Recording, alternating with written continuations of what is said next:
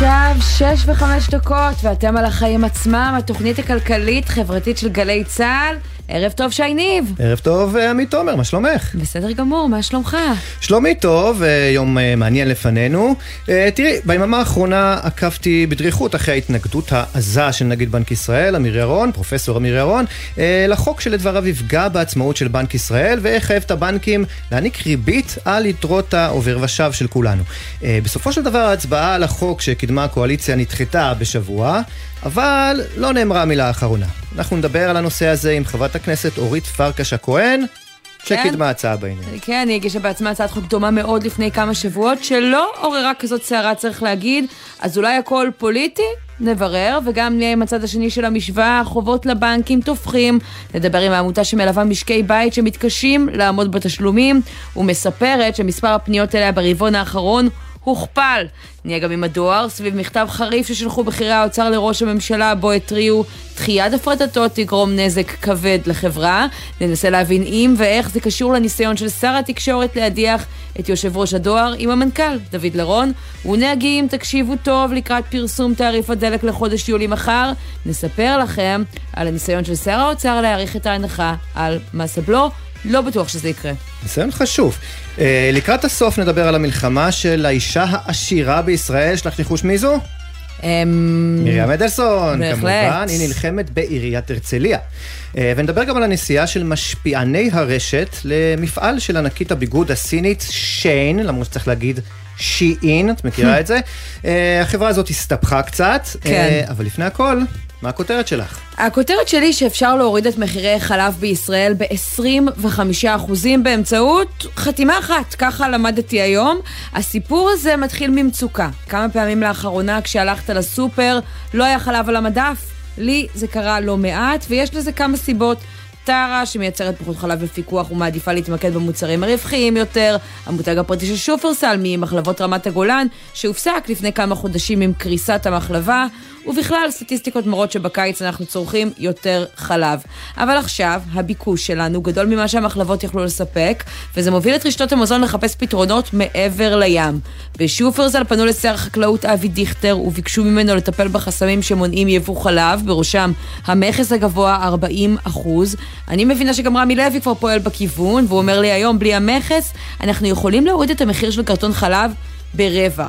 אז קודם כל, אני מקווה שמשרד החקלאות ירים את הכפפה כדי שנוכל להמשיך לראות גם בתקופה הקרובה חלב בכל מקרר, אבל מעבר לעניין המחסור, גם בשגרה, יש כאן מוצר שהתייקר כבר שנה שנייה ברציפות בחדות. השרים משקיעים כל פעם חודשים בדיונים איך למרות שהמחיר מפוקח ואמור להיקבע על ידי מכסה קבועה, ההתייקרות תהיה מיידית.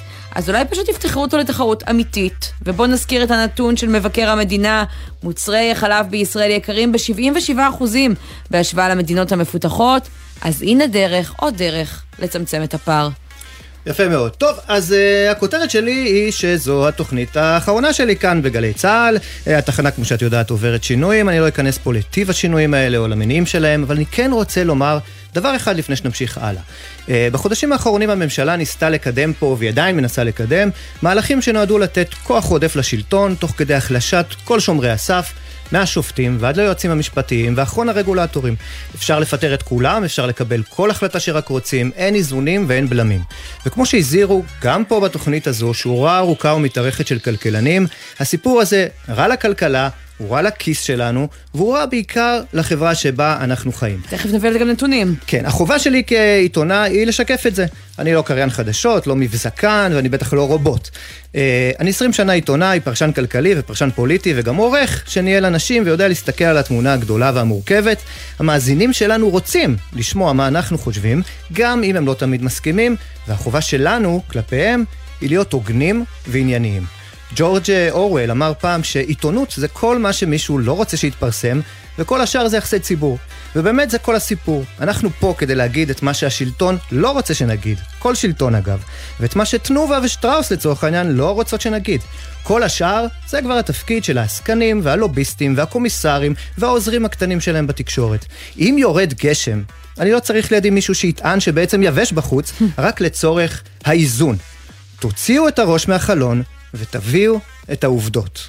טוב, נתחיל. יפה, התכוונו להיפרד ממך בסוף השידור, הקדמת קצת את המאוחר, אבל אה, אולי נגיע גם אה, לזה אחר כך. בהחלט. וכן, נתחיל, נעבור לעניינים הכלכליים. יאללה. אז אנחנו פותחים עם הצעת החוק לחיוב הבנקים לתת ריבית על כספי הלקוחות שבעובר ושב, אחרי שהנגיד אמיר ירון שלח אמש מכתב לראש הממשלה, בו הוא קרא להתערבותו המיידית להקפאת המהלך שלטענתו יפגע בעצמאות בנק ישראל. היום נתניהו מיישם, והצעת החוק הזאת מושהית כרגע. הפוליטיקאים הודיעו שהם נותנים לבנקים זמן חסד עד השבוע הבא לראות מה יעשו. בינתיים בנק מזרחי מצטרף ללאומי ובנק ירושלים, הוא מודיע על ריבית מסוימת עד סכום מסוים בכספי העובר ושב אצלו, אבל בוא נחזור רגע לביקורת של הנגיד, כי דיברנו על זה אני ואתה היום, זאת לא הפעם הראשונה שאנחנו רואים הצעת חוק כזאת, וכן הפעם הראשונה שיוצא במתקפה כזאת חריפה. מה קורה כאן לדעתך? תשמעי, אנחנו רואים אה, לחץ אה, פוליטי שהוא, את יודעת מה, אני לא חושב שהוא לחץ אה, אה, פסול. כלומר, אנחנו רואים איזושהי אווירה ציבורית, לא רק אה, פוליטית, שעוסקת ביוקר המחיה, אה, לפחות ב, בעניין הזה. ואת רואה פוליטיקאים שמקדמים הצעות חוק, שאפשר לומר, בחלקן אה, פופוליסטיות, חלקן אולי אה, מוגזמות, חלקן אולי שוחקות קצת באמת את העצמאות של בנק ישראל, וצריך להיזהר פה ממדרון חלקלק. ומצד שני, הנה, אנחנו רואים שהבנקים... אה, זזים קצת מהכיסא. ואנחנו רואים שגם בנק ישראל עושה את זה, כי הוא לא עושה את זה מספיק, אנחנו יודעים, כל מה שקשור לתחרות במערכת הבנקאית, בנק ישראל לא עושה מספיק. ואת יודעת מה? טוב שהפוליטיקאים אה, לוחצים, גם אם נדמה לנו שזה קצת יותר מדי. אם נגיע לתוצאה שהיא תוצאה טובה, כן. צריך לברך. מהצד השני, לי זה הזכיר את הסיפור של קרן הארנונה, שאתה יודע, לפעמים זה לא רק מה המעשים שנעשים, זה השאלה מי עושה אותם, ויכול להיות שהחשדנות והלך הרוח שקורית בתקופה האחרונה, היא שבעצם מקפיצה את הנגיד, האם בצדק, האם לא? בואי נגיד שלום לחברת הכנסת אורית פרקש הכהן מהמחנה הממלכתי, שלום. שלום, שלום לכולם. אז תסבירי לי משהו, כי את ההצעה המדוברת הגיש ינון אזולאי מש"ס, אבל את, יחד עם מספר חברים נוספים באופוזיציה, ולא רק, גם משה גפני, יושב ראש ועדת הכספים, הגשת הצעת חוק מאוד דומה לפני שבועות בודדים. את יכולה להבין את הביקורת של הנגיד שבעצם אומר תודה אבל לא תודה, לניסיון להעניק לו יותר שיניים? קודם כל כן, כי אני חושבת ששמירת העצמאות של נגיד בנק ישראל ובנק ישראל בכלל היא דבר חשוב מאין כמותו. ובאמת ההצעה שלי, הצעת החוק שלי במובן הזה שאליה הצטרף יו"ר ועדת כספים גפני, יו"ר ועדת כלכלה ביטן, דרך אגב ינון אזולאי עצמו וגם אוהד טל שהוא יו"ר ועדה כלכלית נוספת. מהציונות הדתית. היא שונה מהצעת החוק. היא הצעת חוק שונה. הצעת החוק של ינון אזולאי בעצם באמת אומרת בכמה שורות נגיד בנק ישראל יקבע ריבית שהבנקים חייבים אה, להטיל על כספי העו"ש של הציבור בישראל. אה, וזה ה... ומכאן כנראה יצא קצפו של הנגיד. אה, הצעת החוק שלי בעצם לא נכנסת לתוך שיקול דעת של הנגיד, דווקא בגלל העניין הזה, דווקא בגלל הרגישות, אני בעצמי הייתי רגולטורית. כלומר ההצעה שלך... אז... חשובה. בואי נחדד את זה רגע, ההצעה שלך באה לאפשר לנגיד... לפעול מול הבנקים, אבל לא לחייב אותם. היא בעצם, היא אומרת לנגיד, הנגיד רשאי לקבוע כללים בנושא הזה של מתן ריביות, גם על פקדונות וגם לציבור, והוא גם יכול לקבוע כללים רק ביחס לציבור לקוחות מסוים.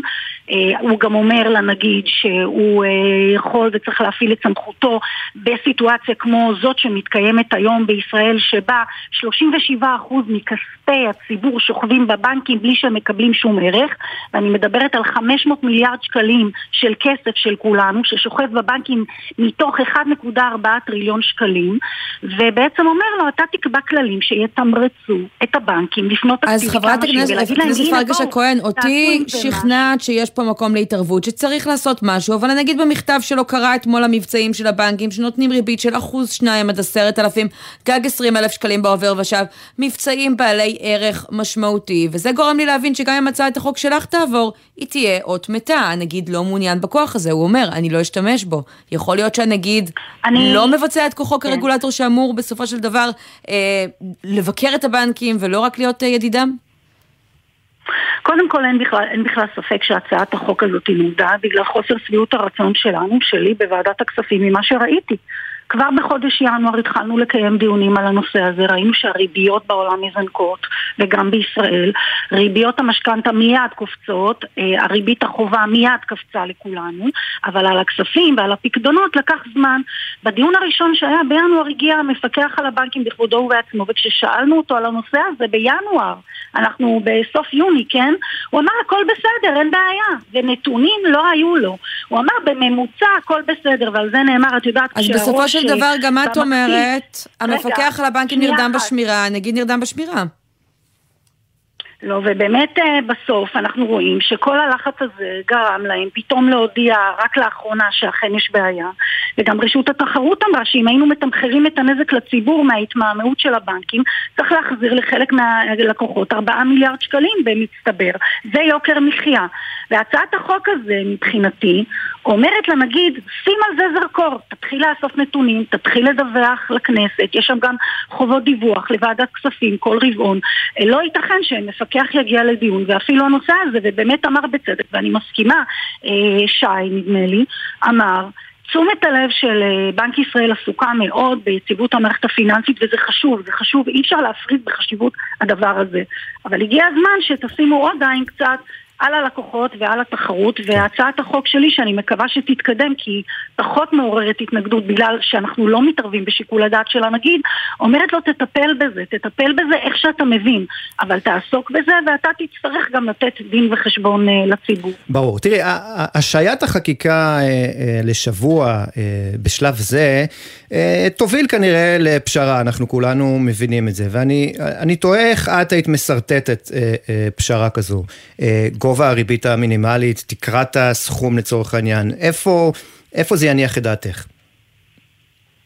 אני חושבת שחוק שבעצם אומר שחייבת אה, שקיפות וגורם שיפקח על הנושא הזה לפי שיקול דעתו המקצועי חייב לעבור.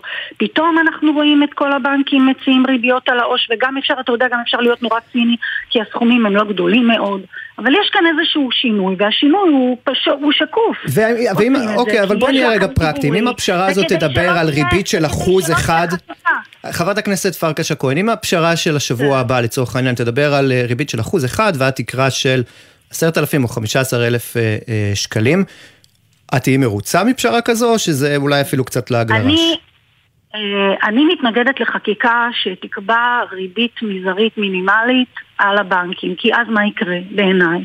כל השוק, כל הבנקים פשוט יתיישרו לריבית המינימום, ובזה מה שנקרא, כל הציבור יצטרך להסתפק. אני לא mm. מאמינה בקביעת ריביות מינימום, אני גם אמרתי את זה לחבר הכנסת אזולאי, ולכן הצעת החוק שלי אומרת לבנקים, תקבעו כללים, תקבעו תמריצים, תתאימו את הכלי לאירוע. אה, ואני חושבת שזה עוד מבחן של הממשלה, כי בסוף הצעת החוק הזו היא מגיעה לוועדת שרים לענייני חקיקה, ו-put your money where your mouth is, יש בעיה קשה של יוקר מחיה. תעבירו את הצעת החוק הזה, בואו נדון בה בוועדת הכספים. את דיברת אה, אבל עם הנגיד סביב הצעת החוק כן. שלך, את הבנת ממנו שבמקרה שהצעת חוק תעבור בנוסח הזה שאת מתארת שלכם, הוא כן ישתמש בכוח הזה? הוא כן יתערב בריבית על העובר ושב?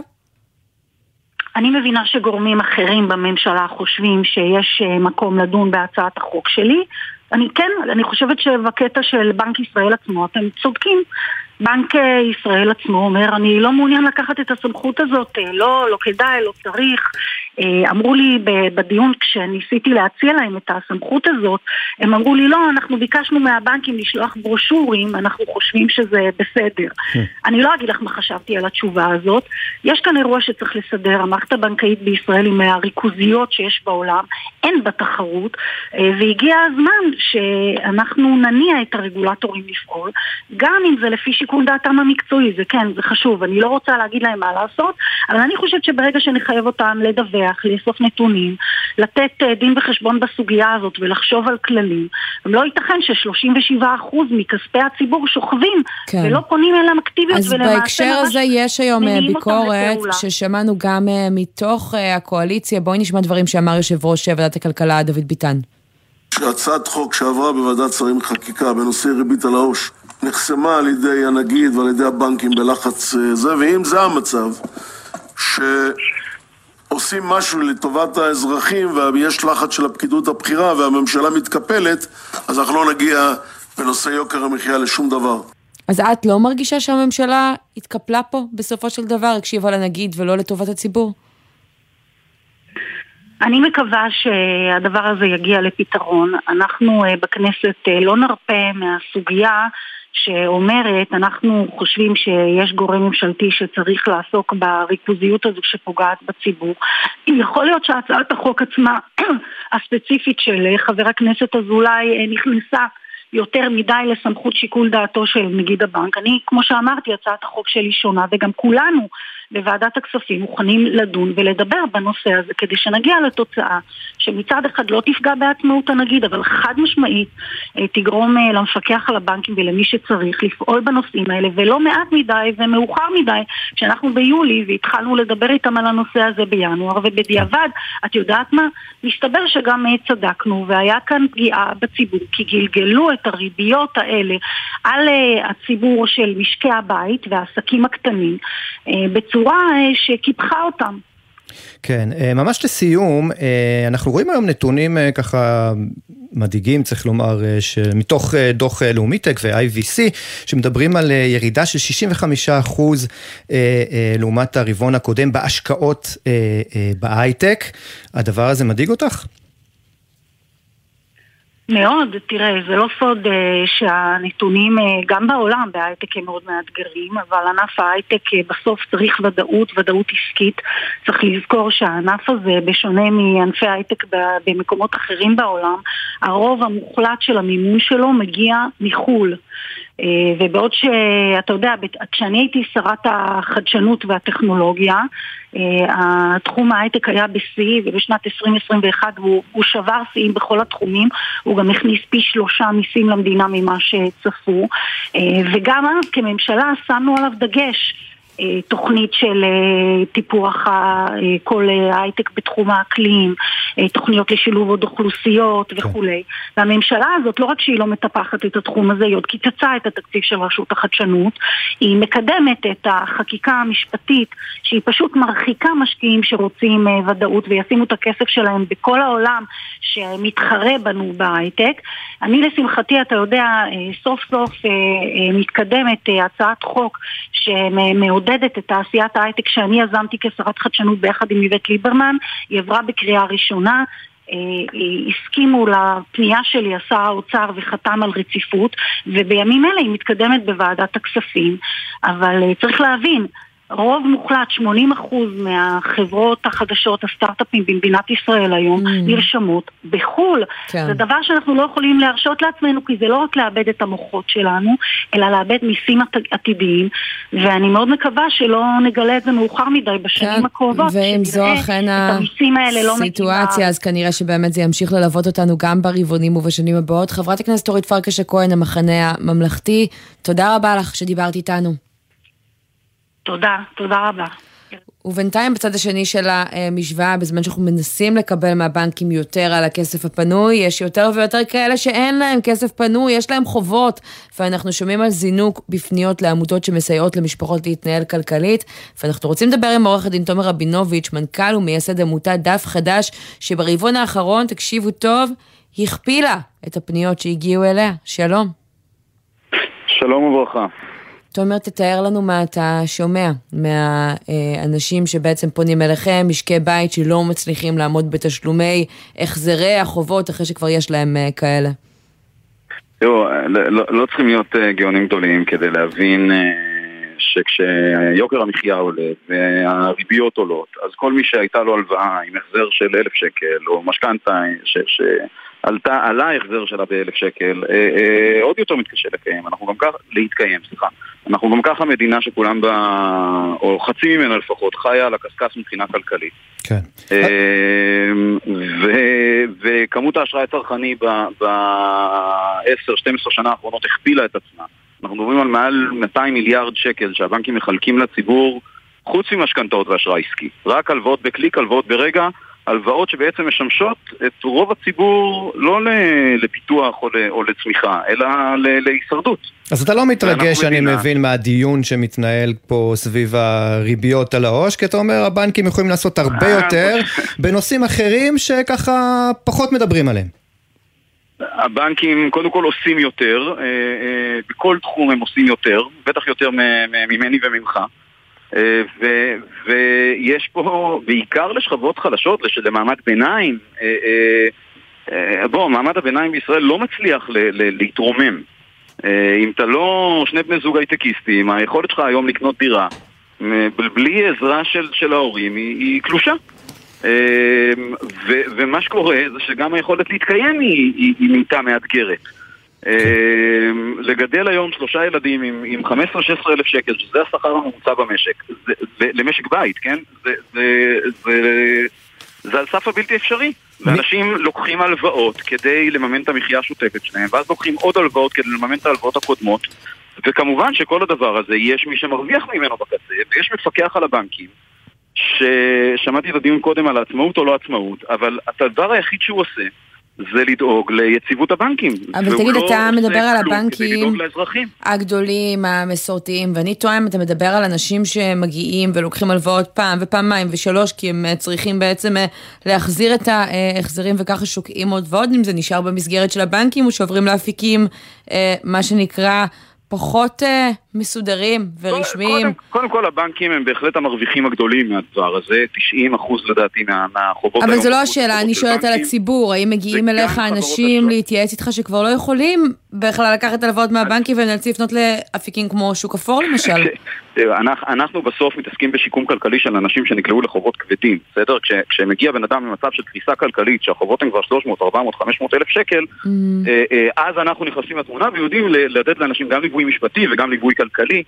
ו- ולעזור להם לצאת מהמצב הזה. כמה מהאנשים ואז... שפונים אליכם, אה, תומר, הם, הם בעצם דור שני ל... לא יודע אם לעוני, אבל לקושי כלכלי. כלומר, עד כמה יש לנו פה עסק עם מעגל שלא נגמר? לא, זה לא, לא, אנחנו לא מדברים על עניים אה, מסורתיים, מה שנקרא, על משפחות רווחה, לא רק, גם אלה, אבל הרוב זה מעמד ביניים, אנשים עובדים, לפעמים משפחה עם שתיים, שכל אחד מבני הזוג עובד בשתיים ושלוש עבודות, ועדיין הם נאלצים, הם, הם נכנסו לתוך מלכודת הדבש של הלוואות. הרי מה קורה? אתה נכנס למינוס, אתה מקבל טלפון מהבנק, mm. ואומרים לך בוא תיקח הלוואה כדי לכסות את המינוס, ואז אתה כבר בתוך איזה מלכודת דבש, ואתה לא יכול לצאת ממנה. כן. כי כדי לסגור את ההלוואה אתה צריך עוד הלוואה, וכשהבנק חוסם אותך, אתה לוקח הלוואה מחברת האשראי, וכשחברת האשראי חוסמת אותך אתה מוצא איזה מימון חוץ-בנקאי, ואנשים מגיעים בלי לשים לב, כן. באמת בלי לשים לב למאות אלפי שקלים חובות. מעגל קסמים שהולך ומתרחב, והנה אתה אומר ברבעון האחרון כבר מגיע ל-600 פניות לעזרה, נתונים מדאיגים. עורכת דין תומר רבינוביץ', מנכ"ל ומייסד עמותת דף חדש, תודה רבה לך על הדברים החשובים האלה. תודה רבה.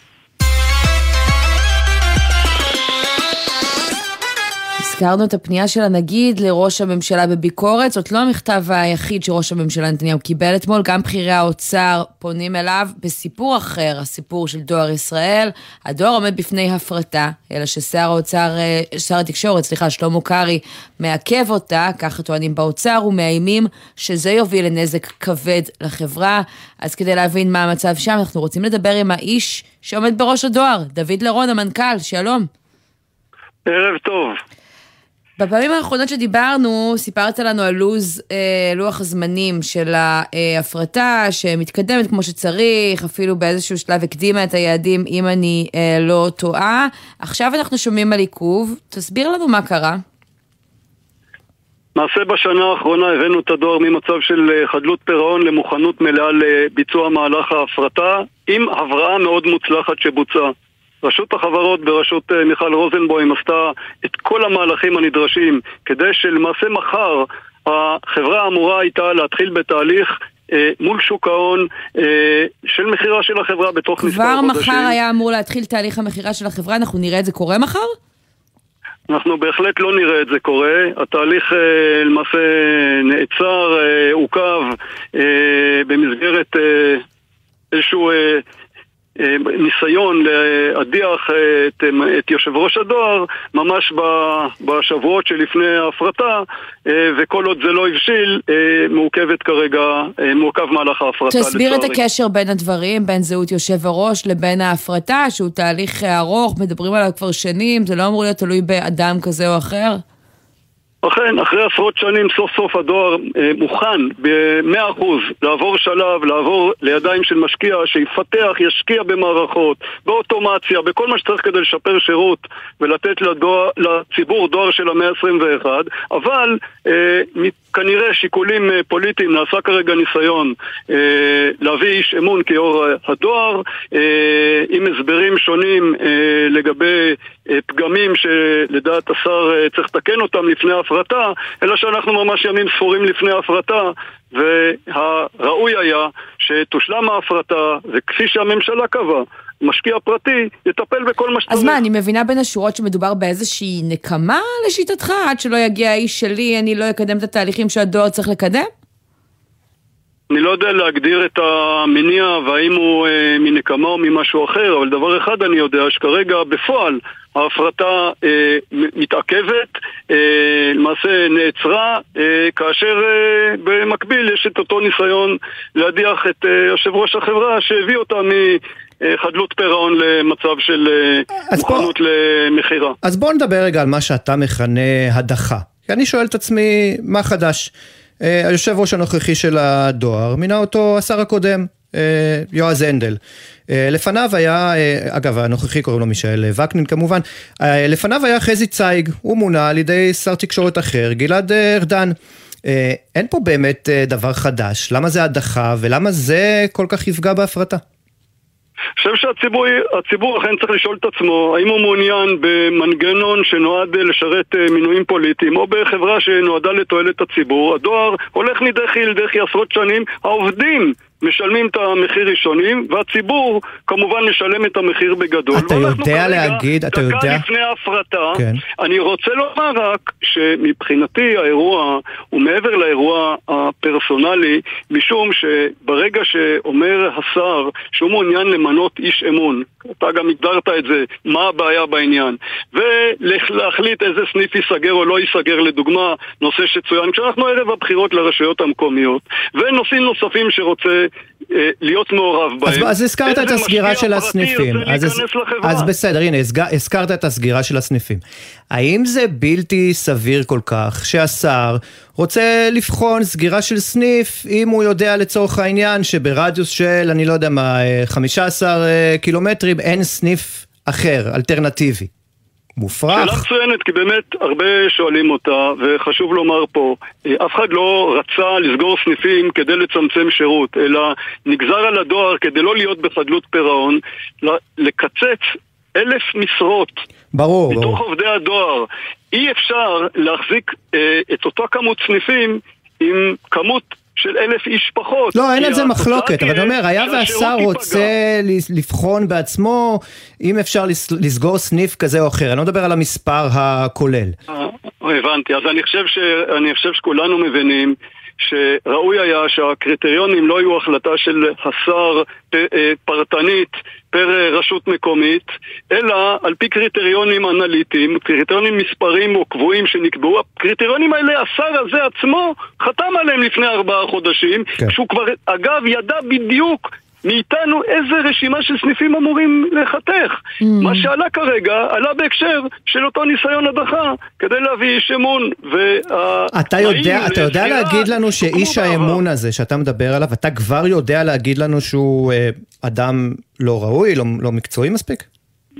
אה, הסוגיה היא לא, שוב, היא לא סוגיה פרסונלית, אלא הסוגיה החשובה היא האם ראוי שמנ... שערב הפרטה ייכנס יושב ראש או איש אמון של שר, או שזה מינוי מקצועי. לא, אבל אתה מתנגד למינוי שאתה... אתה מתנגד למינוי שאתה עדיין לא מכיר? כן, כי, כי אני מבין שזה חלק ממארג של דברים שחלקם זה החלפת יו"ר באיש אמון, שזה בפני עצמו אגב פסול, זה מינוי כן. פוליטי, זה לא תקין, אבל מעבר לזה נאמרו אמירות נוספות על דברים שצריכים בהם מעורבות של השר, שהם בניגוד לרישיון ולתוכנית ההבראה שנקבעה עם משרד תקשורת, עם השר הזה עצמו ומשרד האוצר, mm-hmm. לגבי סגירת סניפים, תעריפים ושיקולים אחרים שיהיו בחברה. אני הגעתי לחברה כדי להוציא את הפוליטיקה ממנה, והחזרה של הפוליטיקה תכשיל את ההפרטה, כן. תפגע בציבור ובעובדים. אז בשבוע שעבר בהקשר הזה אתם אה, פניתם אה, על ידי אה, משרד עורכי דין ארדינסט ואיימתם בעצם שאם קרעי לא יחזור בו שר התקשורת אתם תעתרו לבג"ץ משום שהדחת היושב ראש היא השתלטות פוליטית בניגוד לחוק, זה ציטוט מתוך הפנייה. איפה הדבר הזה עומד? כי הנה אנחנו רואים, אתה אומר זה כבר בשטח מעכב את ההפרטה שלשמה באתם לדואר ישראל. נראה את זה קורה בימים הקרובים? המועד שנקבע לשימוע הוא בשני ליולי, ואני מניח אה, שלאחר השימוע ולאחר שתתקבל ההחלטה אה, בתום השימוע, אה, זה המועד שבו הדברים האלה ייבחנו במידת הצורך גם על ידי אה, הערכאות השיפוטיות לייצוגן. אנחנו שומעים לפני זמן קצר את אה, שר התקשורת שלמה קרעי אומר בחדשות 12 שהם לא מצליחים לפטר גם את היועמ"שית כי עדיין לא בוטלה אה, עילת הסבירות. אתה רואה איזשהו קשר בין הדברים? כי פה ושם בעצם מדובר על אה, פיטורים של אה, תפקידים אה, של משרות אה, נושאי ציבור, משרות מקצועיות. שוב, אה, בתוקף תפקידי אני מופקד אה, ואחראי ונאמן אגב לארבעת אלפים עובדי הדואר ולשירות שהדואר צריך לתת לציבור ולכן כל מה שאני עוסק בו הוא להציל את הדואר, את תהליך ההבראה וההפרטה ולהביא אותם לכדי מימוש שיכול להיות תוך שבועות, בשורה ענקית למדינת ישראל ואני רוצה להאמין שנתגבר על המכשול הזה, הפוליטיקה לא תחזור ונשלים בתוך חודשים ספורים, מהלך מאוד חשוב למדינה. כן, שאלה אחרונה אה, לסיום, מחר במסגרת אה, התקדמות ההפרטה גם היו אמורים אה, לפרוש, לסיים את תפקידם כמה מאות אה, עובדים אה, בחברה במסגרת תוכנית ההבראה. במכתב אה, הבכירים באוצר אומרים שאולי הם לא יעבירו את הכסף, שהם יעצרו את ההעברה אה, לטובת הפעימה השנייה אם ההפרטה כרגע נתקעת. מה זה אומר אה, לגבי העובדים האלה? א', אה, כמו הרבה פעמים, בסופו של דבר, אה, מי שהם בדרך כלל הקורבן לכל הפוליטיקות שנכנסות לעסקים, זה העובדים, אה, והם האחרונים שרואים להיפגע כי הם הראשונים ששילמו את המחיר על תוכנית ההבראה הזו, שילמו מחיר כבד. אנחנו בקשר עם האוצר, בקשר עם כל הגורמים הרלוונטיים, ואני מקווה שנפתור את הדברים אם אני עובד שחתם על אה, הסכם פרישה ואמור לסיים את תפקידו מחר, זה אמור להיות היום האחרון שלו בעבודה אחרי מי יודע כמה שנים, יכול להיות שמחר בבוקר אני אתבשר שאין בעצם כסף למה שהבטיחו לי ואני אצטרך מה, להמשיך לעבוד בינתיים? אני מקווה ומאמין ועושה ככל הניתן כדי שכל הדברים יתממשו ויבואו על מקומם אה, כפי שצריך ואנחנו בקשר עם כל הגורמים כדי לפתור את כל הבעיות סביב אה, מכתב האוצר וסוגיות אחרות שלצערי אה, העלו אלינו אה, כבעיה בשבועות האחרונים. דוד לרון, מנכ"ל אה, דואר ישראל, תודה רבה שהיית איתנו. תודה רבה, ערב טוב. יוצאים לכמה הודעות, ואז נהיה עם מחירי הדלק שאמורים להיות מפורסמים מחר, האם ההנחה על מס לבלו תימשך, וגם המאבק של מרים אדלסון בעיריית הרצליה, יהיה לנו אורח מעניין בעניין הזה. לגמרי. כבר חוזרים.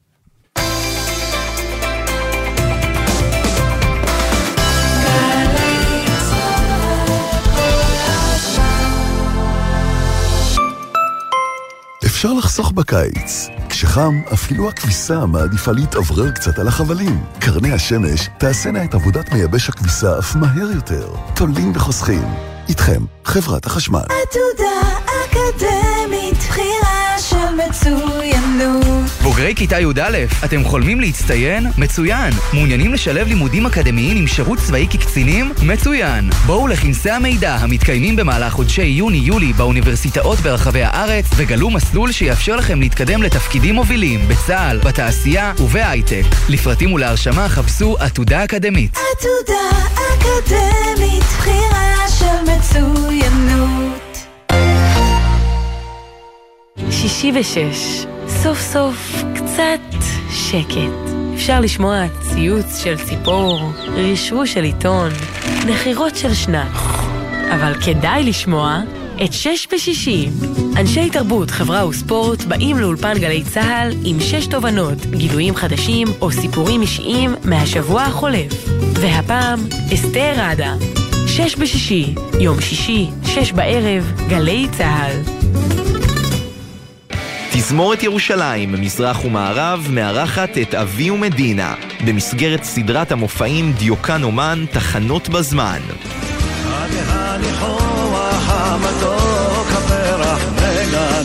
קונצרט מיוחד עם מיטב הלהיטים מכל השנים בניצוח מתן יונה. שלישי, שמונה וחצי בערב, היכל התרבות בית שמש, ובקרוב בגלי צה"ל. עכשיו בגלי צה"ל, עמית תומר ושייני עם החיים עצמם. חזרנו, עכשיו אנחנו למחירי הדלק בשבוע הבא, חודש חדש ואיתו מחירים חדשים. ישראל פישר, אתה עם הערכות בכמה אמור לזנק אה, מחיר הדלק, ומה הסיכוי שנראה את ההנחה שנהנינו ממנה בחודשים האחרונים, אה, ובעצם אה, סבסדה חלק מההתייקרות, מסתיימת בקרוב. נכון מאוד, בסוף יוני מסתיימת ההנחה של 40 אגורות על מס הבלו על מחירי הדלק היום, מחיר ליטר בנזין 95 אוקטן הוא 6 שקלים ו-85 אגורות. לכן, אם בסוף החודש תסתיים ההנחה הזו, המחיר לפחות יתווספו למס את אותן 40 אגורות. מה שקורה זה שהיום אה, פרסמנו כאן בגלי צה"ל, ששר האוצר בצלאל סמוטריץ' מתכוון לפרסם צו חדש, ממש אמור להתפרסם בשעות הקרובות, שבו הוא יעריך את ההנחה על מס הבלו. השאלה הגדולה היא, בכמה תוארך ההנחה. יש לי דז'ה וו, אנחנו מנהלים את השיח הזה כל חודש, אי אפשר כבר למצוא איזה מנגנון שלא אה, כל פעם בדקה ה-90 אה, נדע מה קורה עם המחיר ונהיה באיזה חוסר ודאות מאוד גדול. היית רוצה שזה יקרה, אבל מה שקורה זה ששר האוצר מקבל אליו את הנתונים בכמה אמור להתייקר בעצם מחיר הדלק, ולפי זה הוא מחשב הוא את, את גובה ההנחה, למרות התנגדות של בכירים במשרדו, כי צריך להזכיר, זה עולה לקופה הציבורית הרבה מאוד כסף באובדן הכנסות. הם הזהירו, כן. צריך לומר, הם הזהירו. הזהירו מראש שברגע שפוליטיקאי אה, אה, יעשה פעם אחת הנחה, אי אפשר יהיה לוותר על זה. צריך להגיד שזה לא, לא שר האוצר סמוטריץ' שהתחיל כן. עם ההנחות, זה נכון, השר בהחלט. ליברמן התחיל עם ההנחות האלה. וכבר אז הם הזהירו, נכון. רק ביוני ההנחה הזו אה, הובילה לאובדן הכנסות של 176 מיליון שקלים לקופת המדינה. זה הרבה מאוד כסף, בהתחשב בכמה חשוב מס הבלו. אז עכשיו, ממש עכשיו אה, מנסים במשרד האוצר להבין בכמה אה, הם אה, יעריכו את ההנחה הזו, יגדילו את ההנחה הזו. כי מה שקרה, מחירי הנפט בעולם ירדו בימים האחרונים, ולכן לכאורה, אם ההנחה תישאר באותו סכום, אנחנו נשמע מחר על ירידה במחירי הדלק, כן. שזה משהו מדהים, אבל עכשיו באים בכירי האוצר ואומרים, רגע, רגע, רגע, רגע, אז אנחנו צריכים לצמצם את ההנחה על הבלו, כדי שלפחות נשאיר את מחירי הדלק באותה רמה בדיוק. כן. וכאן עכשיו מתנהלים הוויכוחים, ולכן אנחנו נראה את התזכיר הזה שיהיה פתוח לציבור ל-24 שעות. אה, או, או יעלה הערב לאתר החקיקה הממשלתי, כן. ורק אז, מחר בערב, יוכלו לפרסם את מחירי הדלק שיתעדכנו בלילה שבין שבת לראשון. או, זה מה שרציתי לשאול. כלומר, אם המחיר יורד, אנחנו נרגיש את זה במוצאי שבת. נכון, במוצאי שבת, בלילה שבין שבת לראשון. בדרך כלל המחירים יורדים ממש בסוף חודש, אבל בגלל שזה יוצא הלילה שבין שישי לשבת, אז דוחים את זה בכמה שעות לבין אה, יפה. אה, שבת לראשון. ישראל פישר, כתבי כלכלה ואנרגיה, אתה תמשיך לעקוב אחרי הסיפור הזה, תודה רבה. תודה רבה.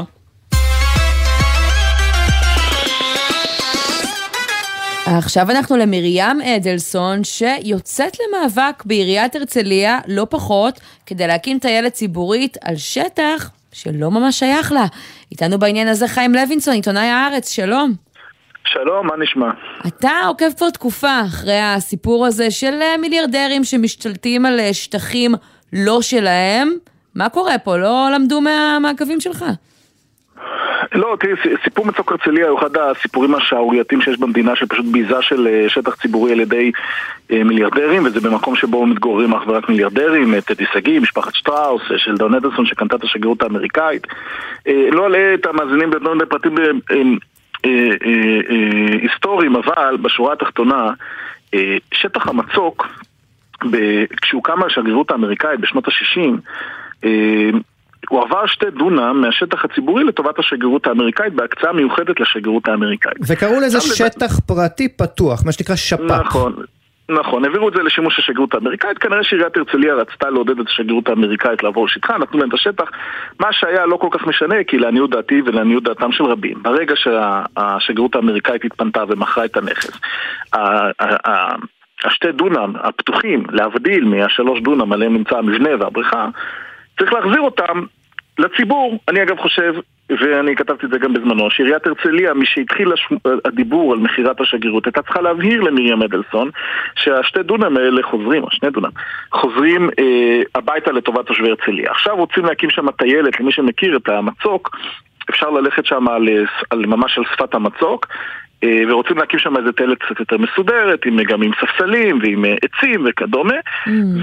ורוצים להפקיע את השטח כאילו ממרים אדלסון שמתנגדת בכל מיני טענות בירוקרטיות וטוענת שלא, היא לא קיבלה את המכתב והיא מתנגדת וזה שייך לה וכמובן האמצעים שעומדים לרשותה הם בלתי מוגבלים אז אני מניח שהמאבק המשפטי בנושא הזה יהיה מאוד ארוך. מה שמדהים, אה, אה, חיים, זה שבזמנו אותו שטח אה, שנקרא שטח פרטי פתוח הוקצה בעצם לבית השגריר האמריקאי לצורכי אבטחה. כלומר, מהרגע שהבית הזה נמכר למרים אדלסון, שהיא כידוע לנו לפחות אינה שגרירת ארה"ב בישראל, השטח הזה כבר יכול לחזור, יכול לחזור אלינו. אני... ו... אני חושב שזה מובן מאליו. כן. אבל עיריית הרצליה מתנהלת בכל הנושא של המצוק הזה באמת בצורה מחפירה. יש שם עוד פלישות, לא רק של, אה, של מרים מדלסון, יש שם נטיות של טדי שגיא על שטחים, על השטח שאמור להיות ציבורי ונגיש לכולם, והוא חוסם אותו באמצעות עצים, והם פשוט גוררים רגליים אה, ומתנהלים בצורה מאוד, לדעתי, אה, לא מתאימה מול אה, אותם עשירים. זה, זה, זה שטח אותי... בעצם ממש על שפת הים, שבעצם היה בו איזשהו פתח, צריך להיות פתח כדי שכולנו נוכל ליהנות ממנו. זו השאלה, יש פתח? מי שרוצה ללכת היום לים יכול לעבור שם, או שבכלל דה פקטו לא? החוף הים... הוא חוף הים. הרי מי שמכיר את חוף הרצליה, הוא נמצא ממש מתחת למצוק, הרי רצועת החוף שם היא לא רחבה, ואז יש את המצוק בגובה 50-60 מטר שעליהם ניצבים הווילות.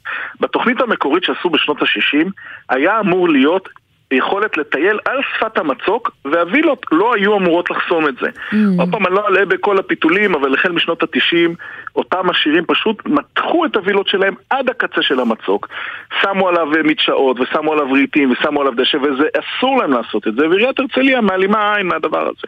במקום ששטח שנוכל כולנו להסתובב על שפת המצוק, הוא היום פשוט חסום על ידי אה, וילות של מיליונרים, אה, או מיליארדרים במקרה הזה. אבל אני מקווה שהתוכנית החדשה של הטיילת תתחיל את התהליך הזה של להחזיר את אה, מצוק הרצליה לעם ישראל, למי שזה שייך לו, ולא לאותם אה, מיליארדרים. חיים, לסיום, מבחינה חוקית, אה, אני ואתה לצורך העניין יכולים מחר להגיע ולעשות שם פיקניק בחצר של טדי שגיא לצורך העניין? נראה לי שלוינסון כבר עשה את זה כמה פעמים, זאת קורה? אני קורץ לו. אז טדי שגיא התחכם, הוא חסם את הגישה לשטח הציבורי אצלו בחצר באמצעות נטיית עצים. עכשיו, אתה שואל אותי מבחינה חוקית אין שום בעיה להיכנס, וגם הוא יגיד לך שאין שום בעיה להיכנס. השאלה היא, אבל מכיוון שזה חסום על ידי נטיית עצים, מדוע עיריית הרצליה לא מסלקת את אותם עצים? פעם הוא שם מחסום, הוא מתוחכם. פעם הוא שם מחסום משערים של כדורגל. עכשיו, שערים של כדורגל זה חפץ, אפשר להזיז אותם. עץ מצאו, בעירייה טוענים שמותר לאנשים לשתול עצים. אז ככה יצא שהוא שתל את העץ בצורה שמונעת את המעבר. אבל אם אתה תטפס על העץ ותדלג פנימה, אין שום בעיה להיות בשטח הזה, הוא ציבורי לגמרי. אז הנה, בשבת הקרובה, אצלכם, טדי שגיא, מירה מדלסון. אם מישהו רוצה לטפס על עצים, הוא מוזמן בהרצליה, חיים לוינסון, עיתונאי הארץ. תודה רבה לך על הדברים האלה. תודה.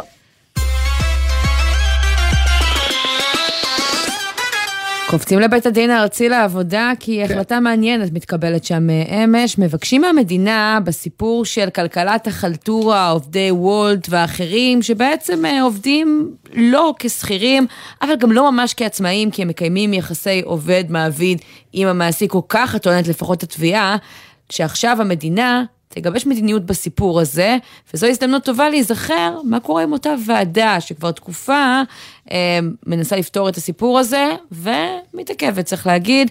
עורך דין שי תקן, שותף וראש תחום יחסי העבודה במשרד פישר, בחר ושות', שלום. ערב טוב עמית ושי. אז מה אנחנו צפויים לשמוע מהמדינה בתור מי שמלווה את הנושא הזה מקרוב? קודם כל, אה, אני לא מעורב אישית בתיק הזה, אז אולי נדבר בצורה טיפה יותר כללית על כל הסוגיה של כלכלת החלטורה. הייתה ועדה ממשלתית שהוקמה בממשלה הקודמת כדי לגבש מדיניות, להתמודד עם האירוע החדש הזה בעולם יחסי העבודה של איזה מתכונת העסקה של עובדים דרך אה, פלטפורמה דיגיטלית.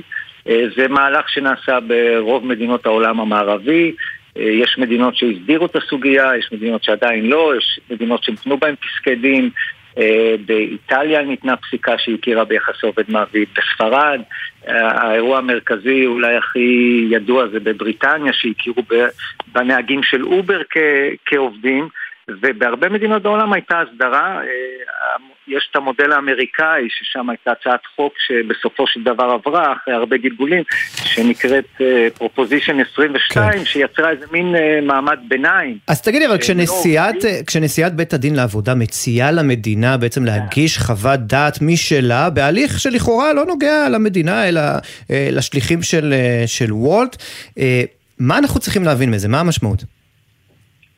תראה, קודם כל, זה כמו, זה כמו שבקרקס, לפני המופע המרכזי של האריות, אז אה, יש את הרעם הזה של התופים שיוצר את הדרמה, אז זה פחות או יותר זה מה שקרה. אה, זה לא דבר יומיומי שבית הדין הארצי לעבודה מבקש מהמדינה להביע עמדה עקרונית בתיק כזה, שהוא לכאורה, זה, זה לכאורה תביעה ייצוגית של, זה תביעה פרטית. אבל זה בעצם אומר, זה הפרומו שאומר אנחנו הולכים להיכנס לעובי הקורה וכנראה אנחנו הולכים לעשות פה איזושהי החלטה תקדימית.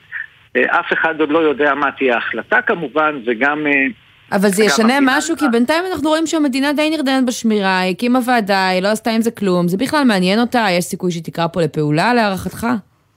קודם כל זו שאלה מצוינת, וצריך להבין שבית הדין מזמין את המדינה להביע דעה ככל שהיא רוצה. המדינה יכולה להגיד, אנחנו מוותרים על התענוג, ולא להביע דעה, ולהשאיר את המגרש לבית הדין. בכל מקרה מי שיכריע בסוגיה זה בית הדין.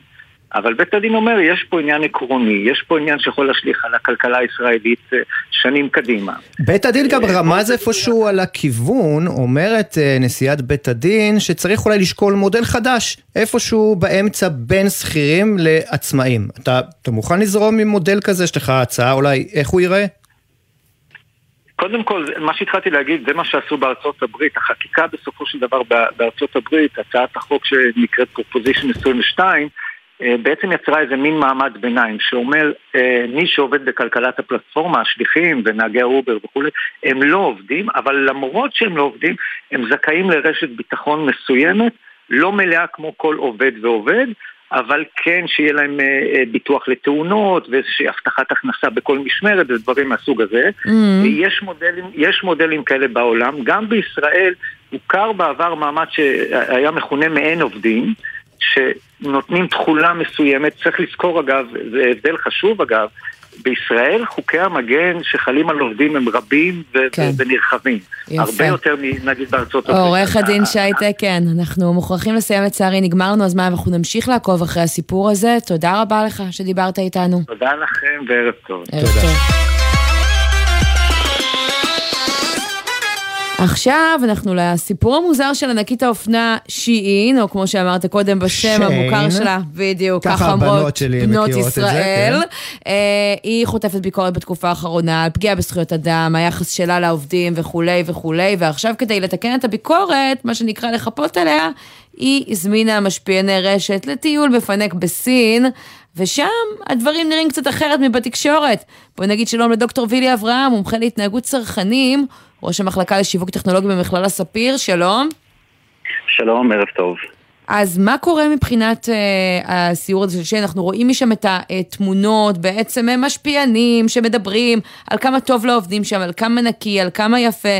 זה מפעל פיקטיבי או פילטר? מה קורה שם? באמת אה, שאלה טובה, אנחנו רואים כל מיני סרטונים שמגיעים מהשטח. אני חושב שמה שגרם לתגובה הזו מצד הצרכנים של שיאן, אגב, היא חברה ששווה 47 מיליארד דולר, אני לא יודע אם, אם המאזינים שלנו יודעים, כן, ונתח כן. השוק שלה הוא 40 אחוז בארצות הברית, כן, חברה מאוד משמעותית. אה, אני חושב שזה היה נראה לא אמיתי ופיקטיבי. כי אנחנו כל הזמן שומעים דיווחים בתקשורת על זה שמעסיקים עובדים בתנאים מאוד ירודים. מדברים על זה לא, לא רק בארצות הברית, דרך אגב, גם בממלכה הבריטית. ובכלל יש אה, מאבק מאוד מאוד משמעותי מצד האיחוד האירופאי נגד ה fast fashion. שהיא תופסת נתח שוק מאוד משמעותי ממנו. עכשיו, אנחנו מסתכלים על זה בעיניים ביקורתיות, ואומרים, אוקיי, שילמו להם, או לקחו אותם, ופינקו אותם כדי להגיע לשם, והדברים שרואים אצלם באינסטגרם הם לא הדברים שכנראה רואים שם במפעל ביום-יום. מה זה עושה לעוקבים? למי שבעצם ככה רואה את הסיור של המשפיענים האלה? אתה חושב שהם... קונים את זה? שיש שם באמת אה, ככה, מה שנקרא, תועלת מבחינת אה, שין בסיבוב יח"צ הזה? אה, בתגובה שראינו, אני לא חושב. אה, רוב הצרכנים של שיאן הם דור ה-Z, שזה כל מי שנולד משנת 2000 עד 2009, פחות או יותר. אה, אלה צרכנים שלא ניתן לעבוד עליהם, הם, הם מוצאים הכל, הם רואים הכל. הם גם מחפשים מותגים שהם יכולים להתחבר אליהם, ואם יש מותג שלא נתפס כאותנטי ולא מתחבר ל, לערכים שלהם, הם פשוט מחרימים אותו, ואני חושש שזה מה שיקרה לשין, אלא אם כן היא תשנה את הערכים שלה. אה, ותראה שהיא עושה דברים אחרת. תראה, אנחנו אגב, יודעים... היא ניסתה לעשות... כן. כן.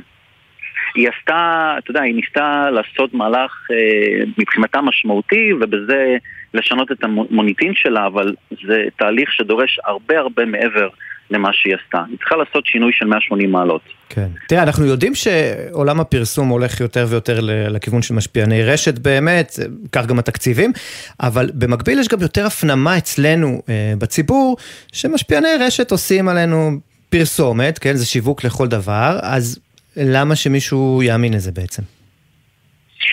נכון, אה, ובגלל זה אה, אני חושב שזה באיטליה, הם רוצים להוציא חוק שבעצם אומר שמתי שבטיק טוק אה, משפיען מציג איזשהו מוצר ומקבל על זה כסף, זה, זה יהיה כתוב, זה כמו שאצלנו בעיתונות כתוב שזה ממומן, נכון? אם יש איזושהי כתבה ממומנת, כן, אז זה יהיה כן. כתוב ממומן. זה יהיה כתוב ממש על, על הסרטון ולא רק בפוסט, כן.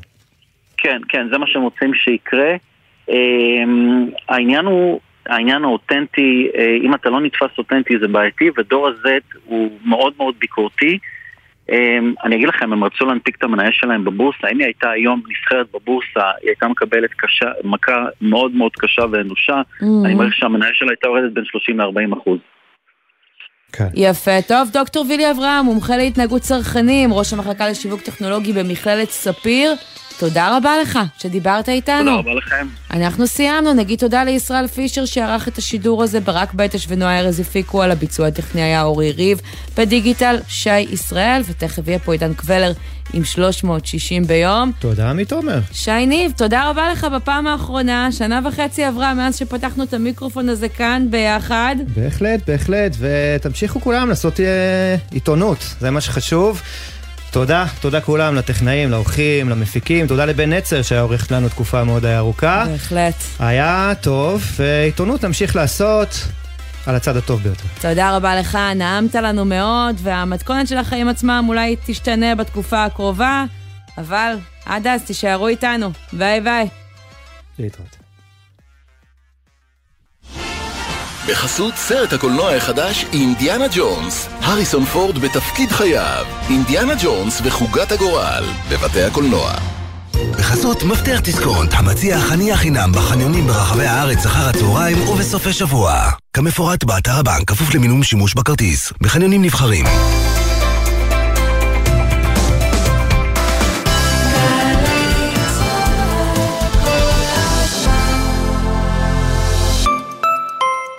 אפשר לחסוך בקיץ. שעות השמש הרבות הן הזדמנות מצוינת לתת לדוד החשמל לנוח. מנצלים את דוד השמש, מנקים את הקולטים מהאבק שהצטבר, נהנים ממים חמים וחוסכים. איתכם, חברת החשמל. שלום, כאן עמר נסרדין מהמוסד לבטיחות ולגיהות. אתם רוצים לעזור לנו לחולל שינוי ולשפר את הבטיחות בעבודה? היכנסו לאתר שלנו. כולכם תוכלו להשתתף בו באופן פעיל בשמירה על חיי העובדים. אני קורא לכל אחד ואחת מכם להיכנס למתחם קו החיים דרך אתר המוסד לבטיחות ולגיהות, הפייסבוק או האינסטגרם, או להשתתף בשינוי תרבות הבטיחות בעבודה בישראל. המוסד לבטיחות ולגיהות דואגים לכם כאן. תחרות רשות מקומית מקדמת בטיחות בדרכים 2023 יצאה לדרך זו השנה השלישית כדי להפוך את הערים שאנו גרים בהן לבטוחות יותר. הרשויות שכבר הצטרפו לתחרות תשפרנה את הבטיחות בתחומן, תעלנה את המודעות לבטיחות בדרכים ותקדמנה תשתיות בטוחות יותר למען התושבים. ערים ומועצות מקומיות המעוניינות להצטרף באמצעות אתר הרלב"ד עד 30 ביוני. התחרות תנהל בטקס חגיגי שבו תוכרזנה הרשויות המקומיות הזוכות. בשיתוף עם המועצה לישראל יפה ומרכז השלטון המקומי. המקומי. כולנו מחויבים לאנשים שבדרך, עם הרלב"ד.